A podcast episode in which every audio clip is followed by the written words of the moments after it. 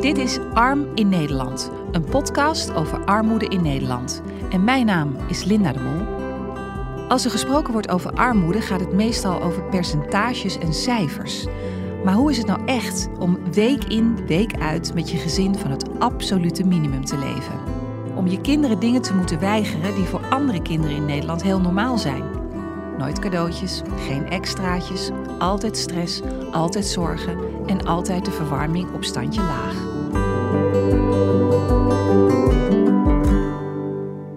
In deze aflevering ga ik in gesprek met Rachma Marsouk, een 41-jarige alleenstaande moeder van vier kinderen die in de armoede belanden door de nachtmerrie die de toeslagenaffaire heet. Op basis van bijvoorbeeld een dubbele nationaliteit werd een groot aantal mensen ten onrechte als fraudeur gezien, waardoor ze toeslagen die zij eerder hadden ontvangen ineens moesten terugbetalen. Bedragen va vaak vele tienduizenden euro's. Deze schulden hebben talloze gezinnen vol in de ellende gestort. Rachma kan erover meepraten. Omdat zij volgens de Belastingdienst een schuld had van 90.000 euro, werd er beslag gelegd op haar inkomen. En daarmee begon een jarenlange leidersweg. Fijn dat je er bent, Rachma, dat allereerst. Um, hoe zag jouw leven eruit voordat de Belastingdienst het van de een op de andere dag radicaal veranderde? Heel gewoon. Ik had een baan, vaste baan, fulltime. Uh, op dat moment had ik nog drie kinderen. Uh, mijn kinderen gingen naar de, uh, naar de kinderdagopvang. had je ja, een eigen huis? Ik had een eigen huis. Ja, gekocht? Gekocht. Met ja. je man samen? Ja, ja, ja, inderdaad. In 2001 uh, hebben we onze woning gekocht. En, uh, Wat voor huis? Um, een gezinswoning. Gewoon een uh, tussenwoning. Prima wonen. Ja. Goede hypotheek. Ja, alles geregeld. Alles geregeld. Alles op orde. Het liep gewoon allemaal. Was je ja. gelukkig? Ja. Ja. Ja, dat ik, was ik. Ik hoor een licht twijfeltje. ja, er is natuurlijk heel veel ellende daarna gekomen. Dus dat, dat, dat geluk, dat vervaagt dan. Ja, dat, dat zit dan zo ver dat het. Dat je bijna niet meer weet dat je het had. Nee, precies, inderdaad. Ja. ja. Kun jij ons meenemen naar het moment dat het echt helemaal misging? Dat je ineens geconfronteerd werd met dat die toeslagen die jij al die jaren had ontvangen voor je kinderen, dat je die terug moest betalen. Krijg je dan een blauwe envelop? Hoe werkt, ik, hoe werkt dat? Het begon, um, de echte terugvordering van 90.000, die begon in 2015. Ja. Um, ik kreeg eerst een aantal brieven uh, van toeslagen. Uh, dat zij um, stukken wilden ontvangen van de afgelopen drie jaar. Het ging dus over 2012, 13 en 14 uh, uit mijn hoofd. En wat voor stukken? Dat, dat je kinderen op de ja, opvang hadden gezeten, ja, dat je ja. dat kon bewijzen? Ja, dat ik dat kon bewijzen inderdaad. Terwijl ik de af, uh, na afloop van elk jaar dien je al alle stukken in. En ze hadden in 2012 hadden ze stukken gevraagd over 2012. Ja. Vervolgens hebben ze in 2013 weer stukken gevraagd over 2012. Terwijl ik alles al had ingediend. Uh, maar in 2015 begonnen ze weer over 2012, maar nu ook 2013 en 2014. Um, en dus het ging om hoeveel per kind per jaar? Ja, het ging om drie kinderen. En um, bij elkaar was het per jaar zo'n ja, gemiddeld zo'n 27.000, 30.000. Dus, dus na drie jaar telt dat op tot 90.000 ja. euro? Ja, ja, inderdaad. Voelde je meteen dat je als een soort fraudeur werd gezien? Uh, in eerste instantie dacht ik dat het een fout was. Omdat ze eerder uh, een stopzetting hadden gedaan in 2010. Ja. Dat heb ik weten recht te trekken. Dus ik dacht, ja, dat gaat me nu ook wel lukken. Ik stuur gewoon alles in, weer opnieuw. Ja, laat zien en dat het allemaal klopt. Dat het allemaal klopt ja. en dan komt het wel weer goed. Ja. Dus dat heb ik gedaan. Maar toen kreeg ik weer een brief. Weer met een verzoek uh, stukken in te dienen. Dus weer opnieuw gedaan. En daarna nog een keer. Op een gegeven moment ging ik twijfelen aan de post. Dus ik denk, komt het wel aan? Dus toen ben ik het persoonlijk gaan afgeven uh, op het kantoor uh, in Almere. En dus ik had een ontvangstbevestiging dat ze dus alles uh, binnen hadden. Maar toen kreeg ik weer een brief. Weer met alle stukken. En toen ben ik ze gaan aanschrijven. Ik zei, wat mist er? Ontbreekt er iets? En zo ja, wat, wat doe ik niet goed? Wat ja. gaat er mis? Wat ontbreekt er? Maar daar kreeg ik geen antwoorden op. Dus die verzoeken die bleven maar komen. Totdat ze dus uh, ja, de, de beschikking op nul hadden gezet. En ik dus alles terug moest betalen. En dan lees je dat, 90.000 euro. Ja. Waarvan je weet dat kan met geen mogelijkheid. Nee. Wat, nee. wat, wat doet dat met je? Um, nou, ik was in shock. Ik denk, ik dacht, dit, uh, ja, ik kon het eigenlijk niet geloven. Pas op het moment dat er echt beslag werd gelegd op mijn inkomen, toen pas drong het echt tot me door. Want omdat je die 90.000 euro niet kon betalen Ja. binnen de gestelde termijn. Ja. En die termijn is, Dat was, eh, ik geloof, één jaar of twee jaar. Ja. Volgens mij was het 24 maanden. moest je 90.000 euro Ja. terugbetalen. Ja. En dan gaan ze beslag leggen op je inkomen. Ja. Ja, want ik kreeg een, een, eh, een termijnbedrag. Dat was dan eh 2500 euro per maand. Moest ik terugbetalen binnen 24 maanden. Zoiets was het. Volkomen onmogelijk. Vo- Ja, volledig. Ja. Ja, Ja. onmogelijk. Had je toen wel het idee, ik word als fraudeur gezien? Nee. Nee. Je dacht Ik- niet, ik waarom dacht- doen ze me dit aan? Wat, nee, wat... nee, ik dacht, ze maken een fout. En ik moet dit recht trekken. Want dit gaat niet goed. Ze moeten iets over het hoofd hebben gezien. Er moet iets fout zijn gegaan. Als ze me nou gewoon duidelijk aangeven wat er aan de hand is... dan kan ik laten zien dat ze het mis hebben. Maar goed, er komt een moment dat je denkt, nou, ze vinden niet dat ze een fout maken, want ze houden zich hier aan en er wordt nu beslag gelegd op mijn inkomen. Ja. Ja, dat klopt. Je- Ja, je, doet, je probeert van alles te doen. Ehm, ik heb betalingsregelingen aangevraagd. Ik heb herzieningen aangevraagd. Ehm, ik ben in bezwaar gegaan. Ik ben in beroep gegaan. En dat was vrij lastig, want ik had geen recht op eh, toevoeging voor de rechtsbijstand. Ik had nergens recht op. Dus ik, ik kon bij niemand terecht. Niemand kon mij helpen. En als er iemand mij wilde helpen, dan moest ik betalen Ja. betalen met geld wat ik niet heb. Wat allemaal naar de Belastingdienst gaat. En er werd alleen beslag gelegd op jouw inkomen Ja. of ook op het inkomen van je man? Eh, nou, op dat moment had hij, ehm, zat hij in de ziektewet. Want hij had last van een eh, hernia. Dus Ja. hij kon niet werken. Dus jij Ehm, was de hoofdkost. Dus ik was de hoofdkostwinner. Ehm, dus er werd, eh, de toeslag stond op mijn naam. Dus er werd ook bij mij werd er, eh, ingehouden. Ehm, ja, vervolgens stopte zijn uitkering. eh, want het UWV vond hem arbeidsgeschikt. Of in ieder geval niet voldoende ongeschikt. En ehm, zijn uitkering werd stopgezet. En toen was er helemaal geen inkomen meer bij hem. En op jouw inkomen wat werd beslag werd gelegd? beslag gelegd, ja. En de beslagvrij voet werd dus ook niet gewijzigd. Die bleef gewoon gelijk. Echt bizar. Ja, ik Ja, weet niet wat ik moet zeggen. Dan heb je ineens een inkomen van nul. Dus. Want ze leggen beslag op je inkomen of krijg je nog een klein Je deel? je de je beslag- krijgt een klein ja. deel om van te leven. dat is de beslagvrij voet. En dat Daar is- mogen ze niet aankomen. Hoeveel is dat dan met, met, in een gezin met... Had je toen al vier kinderen of drie? Nee, ik had op dat moment nog drie kinderen. Ja? Ehm, nou, ik denk dat het nog geen 1500 euro was, denk ik. En daar kon je de hypotheek niet van betalen, neem ik aan. Eh, nou, ik kon, in, ik kon mijn vastlasten niet mee betalen, nee. Nee. nee. Dus ik kwam echt behoorlijk eh, in, de, in de knoei. En uiteindelijk zijn we ook ons huis kwijtgeraakt. In 2018. Er kwam een deurwaarder en... Maar het was een executieverkoop. Of een, eigenlijk een openbare verkoop. Dus mensen stonden ook, eh, potentiële kopers, die kwamen dan aan de deur. Die klopten aan. die gingen zelfs achterom, gingen ze gewoon de tuin in om te gluren. Wat, eh, wat kopen we eventueel? Want ze mogen niet binnenkomen. Dus dan gaan ze kijken, wat, eh, hoe ziet eh, de woning eruit en wat voor bod kan ik doen?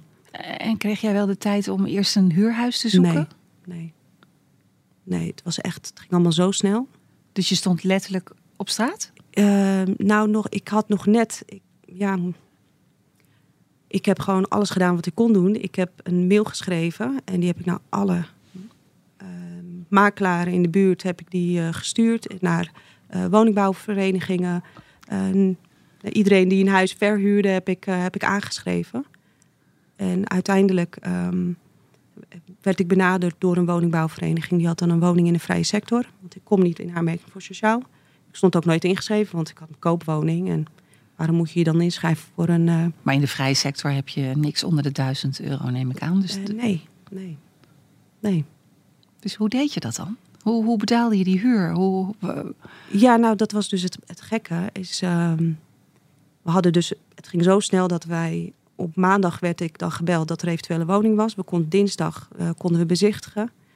Eh, woensdag hadden ze akkoord gegeven. Eh, die donderdag hebben we het huurcontract getekend. En vrijdag, zaterdag, zondag zijn we gaan verhuizen. En die maandag moesten we dus de sleutel inleveren. Dus het was echt net op het nippertje. dat je niet op straat dat ik niet op gestaan. straat eh, heb gestaan. Ja. Ja. En ik ben 2,5 keer zoveel gaan betalen aan, aan huur. Want de hypotheek die je had op je huis was goedkoper dan, dan de huur van die ja, nieuwe woning die je moest betalen. Ja, ja, ik ben drie keer meer gaan betalen. Ja. En ook daar werd de beslagvrije voet eh, niet verhoogd. Die bleef die, gewoon, die bleef beslagvrije voet was 1500 euro, zeg je? Ja, en die werd dus, ja, zo ongeveer, ik weet niet meer precies uit mijn hoofd, maar ongeveer. En ehm, zij, die be- beslagvrije voet wordt eh, berekend aan de hand van, je, van de vastlasten van je, van je huur of je Mhm. hypotheek. En, Maar die was nog op, op, op, het, op het ja, huis. Ja, maar die werd niet aangepast. Die, werd gewoon, die bleef gewoon gelijk. Dus je krijgt een huur van, hoeveel, hoeveel was het? Dat Het was eh, ja, 1150 euro, geloof ik. Je krijgt 1500 euro. Ja. Je moet een huur betalen van 1150 euro, omdat Ja. je niet in aanmerking komt voor een sociale huurwoning. Ja. En dan hou je over om van te leven met z'n vijven in dat, nou, niet dat eens om van te leven, want je hebt ook nog je andere vastlasten. Het is kale huur. Dus je hebt ook nog je, je, je energie, je water, eh, Ja, en andere vaste lasten Ja. die, die, je ook, eh, die je ook hebt. Dus je houdt helemaal niks over om van te leven. nul. Nul. Letterlijk min, nul. Min. Min. Ja. Je, je- elke maand zit je in de min, meer in de min. Ja. Had, je, had je steun aan je man? Eh, nee, hij zat natuurlijk ook met zijn hernia. Dus hij kon dat allemaal niet aan. Nee. Ik was, ben natuurlijk ook financieel onderlegd. Dus ik heb natuurlijk ook wel met cijfers en rekenen. En, eh, dus ik, Jij bent er goed in. ja, ik kan dat, voor mij is het makkelijker eh, dan dat het voor hem is geweest. Ja. Ja.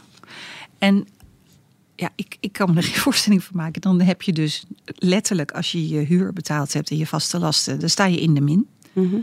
Maar dan moet er toch eten op tafel komen en er moet toch geleefd worden. ja, Hoe Puzzelen. deed je dat in godsnaam? puzzelen in mijn Excel-bestand. Maar je kan wel puzzelen, maar met 0 euro kan je niet puzzelen, nee, toch? maar zo laat je wel. op een gegeven moment weet je ehm, wanneer je een rekening kan laten liggen. Je krijgt eerst na twee weken krijg je een herinnering. Dan krijg je nog een herinnering. En dan pas krijg je een aanmaning. Dan komen er pas kosten bij. Dus op het moment dat je in de gaten houdt eh, welke je hebt laten liggen, ehm, dan kan je daar weer wat boodschappen mee doen. En eh, een maand later eigenlijk kan je dus weer een andere laten liggen. En die andere betalen zonder dat er kosten bij komen. Dus het is gewoon echt puzzelen en alles in de gaten houden. Wat, hoe je dat op die manier eh, ja, kunt doen. Maar zijn er echt momenten geweest dat het niet gelukt is om een warme maaltijd op tafel te krijgen? Ja, ja. Vaak genoeg, ja. Wat, wat, wat doe je dan? Ehm, ja, je, verschillende dingen eigenlijk. Ehm, we, hadden in, in, we woonden aan een plantsoen en dan had je van die boompjes staan met, eh, met appeltjes en peertjes. Dus we plukten echt appels en peren om, om toch wat te eten. Ja.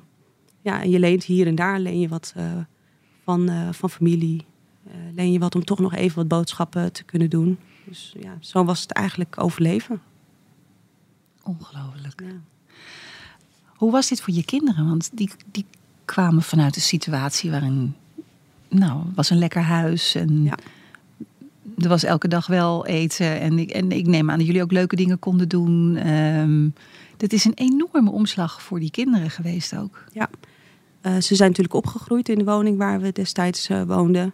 Daar hadden ze hun school, eh, maar ook hun, ja, hun vriendjes. Iedereen in de buurt die ze kenden, daar voelden ze zich veilig. En, ja, en opeens moesten ze weg naar een hele andere omgeving.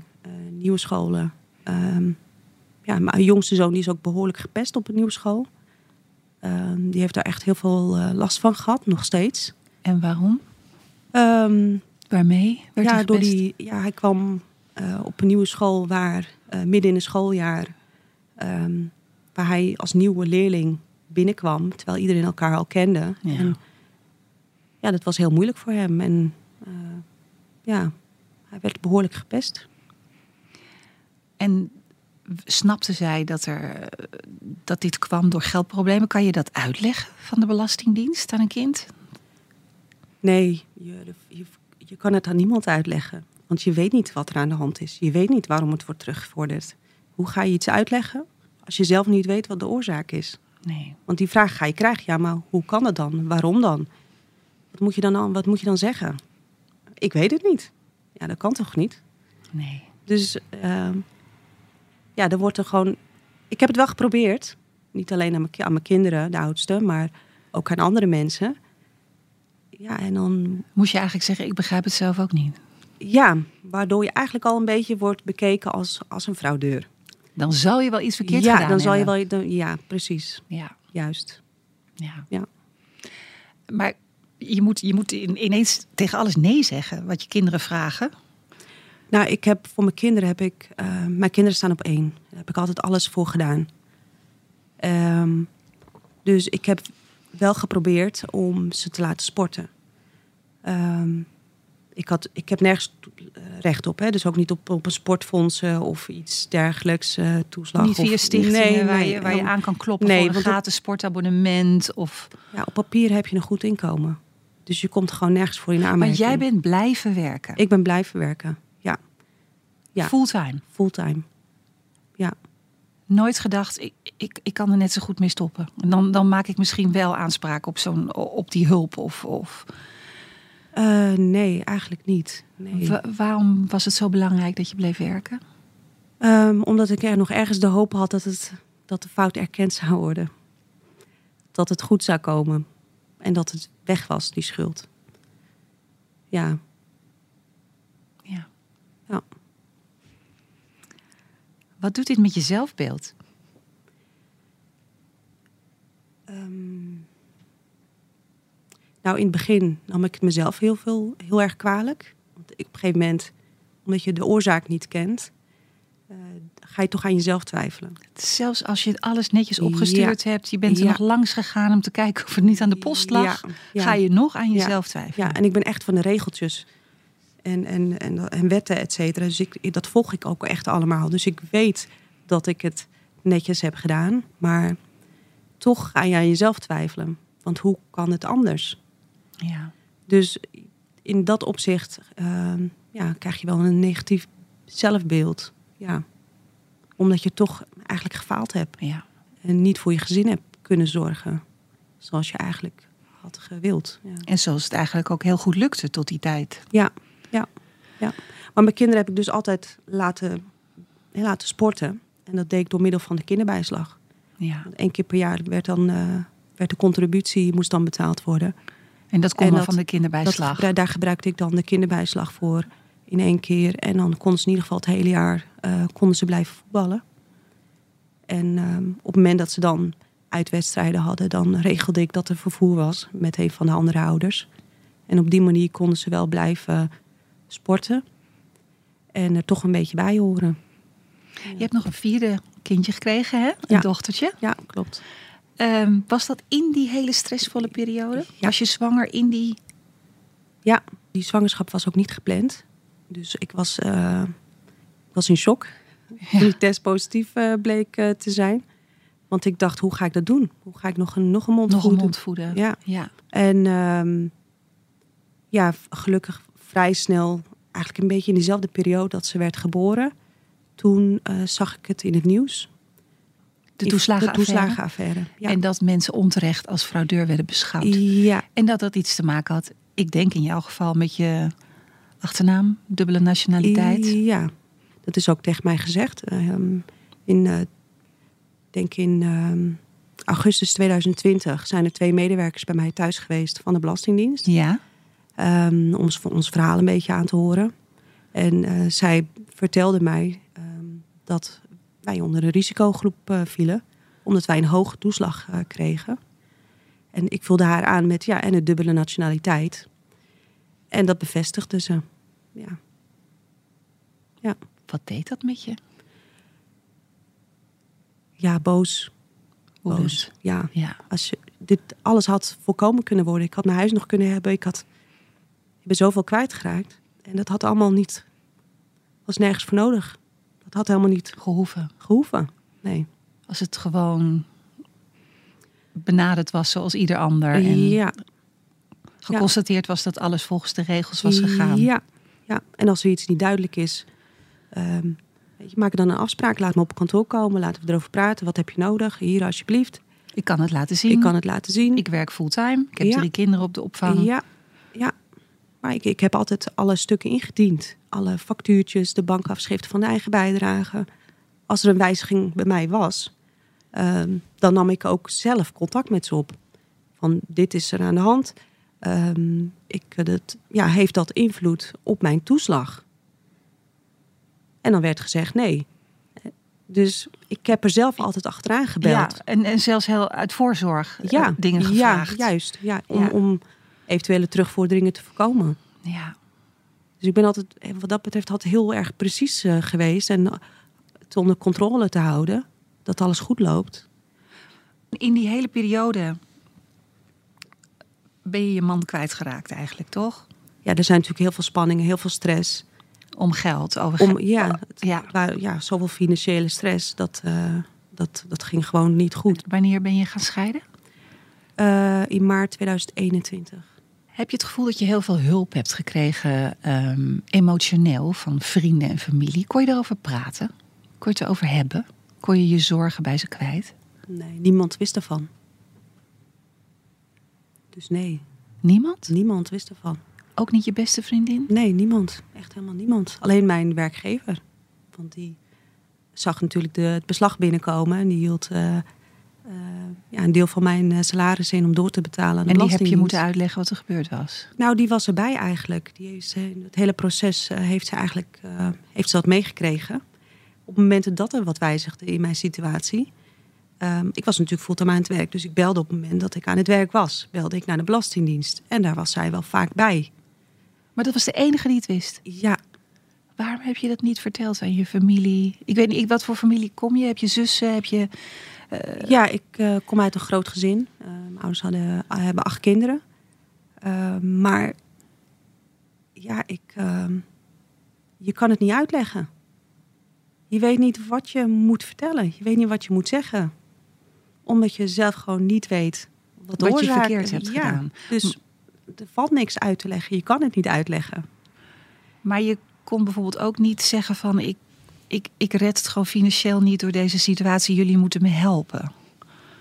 Nee. Ik, ehm, Want je ze- hebt wel ze- af en toe steun van ze Ja, gehad, dat toch? klopt. Wat, wat Ja. zei je dan? Wat, wat Nou, ze- vertelde je ze dan? Ze, dachten, ze wisten dat we het moeilijk hadden. eh, maar niet zozeer door de toeslagenaffaire. Maar omdat mijn eh, man destijds geen inkomen had. Want die had die hernia en die... Ja, en hij had geen inkomen, geen uitkering.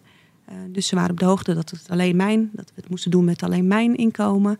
En dat was de reden waarom ze dachten dat we het moeilijk hadden. Maar ze wisten niet dat er beslag op jouw Nee. inkomen was gelegd. Nee, en dat, je nee. appeltjes en peren uit een perkje haalde om eh, op tafel te zetten. Ja, dat Is dat schaamte? Is dat, wa- wa- wat is dat? Waarom je dat niet...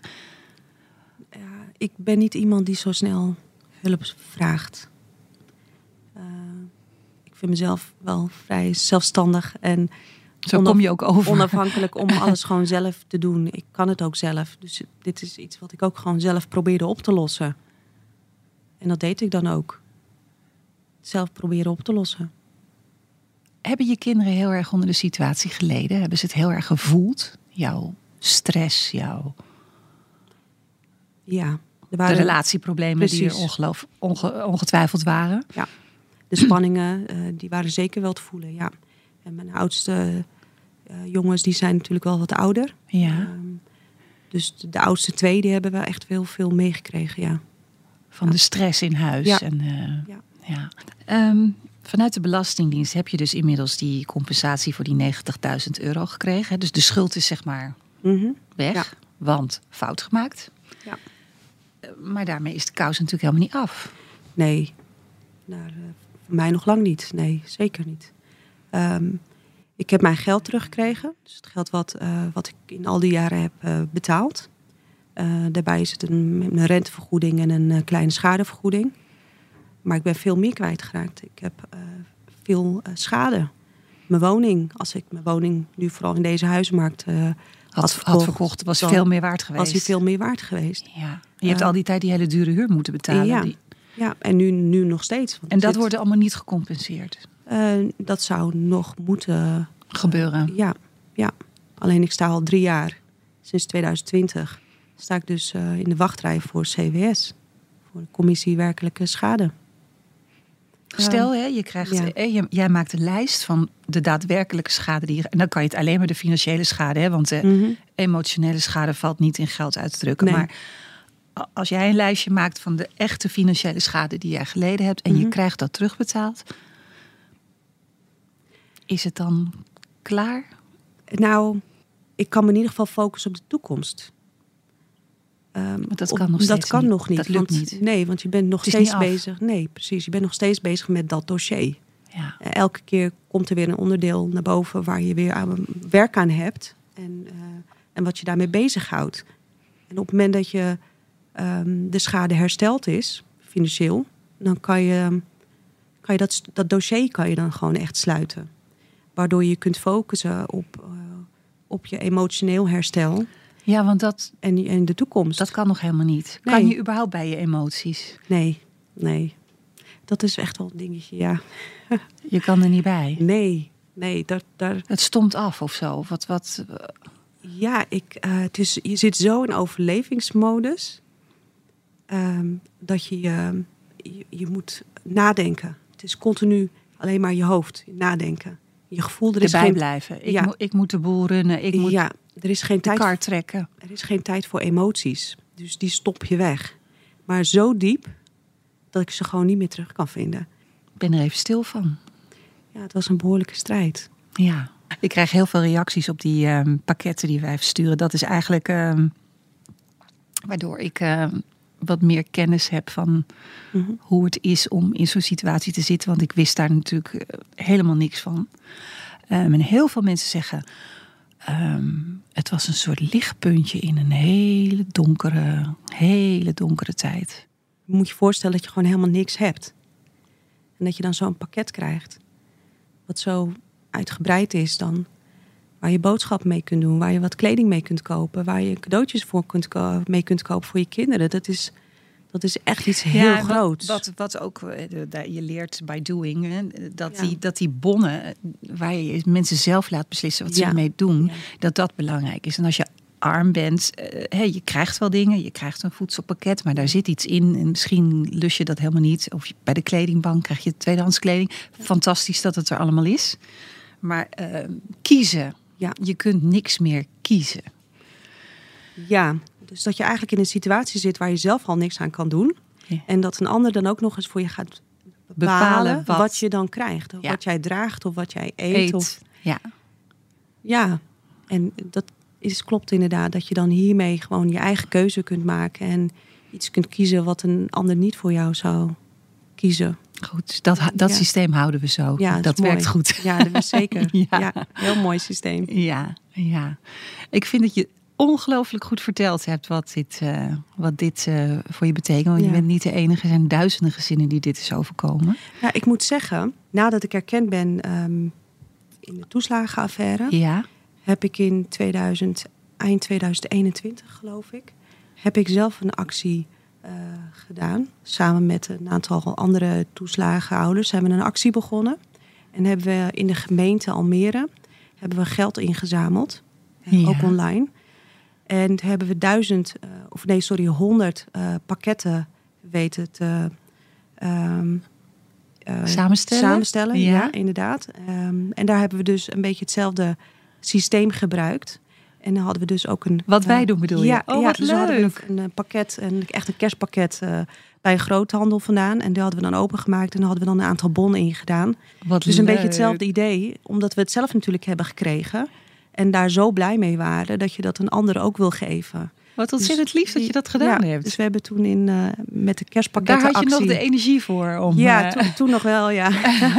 wat goed. Toen nog wel, ja. Toen hebben we dus 100 pakketten samengesteld en hebben we heel wat gezinnen blij kunnen maken. Met het, hetzelfde idee van, eh, hadden we een beetje van jou gepikt. Wat lief, wat leuk. Nou, ik maak een hele diepe buiging voor je. Ik vind het ongelooflijk knap hoe je je staan hebt weten te houden. Ja, En, dankjewel. eh, ik wens je alle goeds toe. Dank je.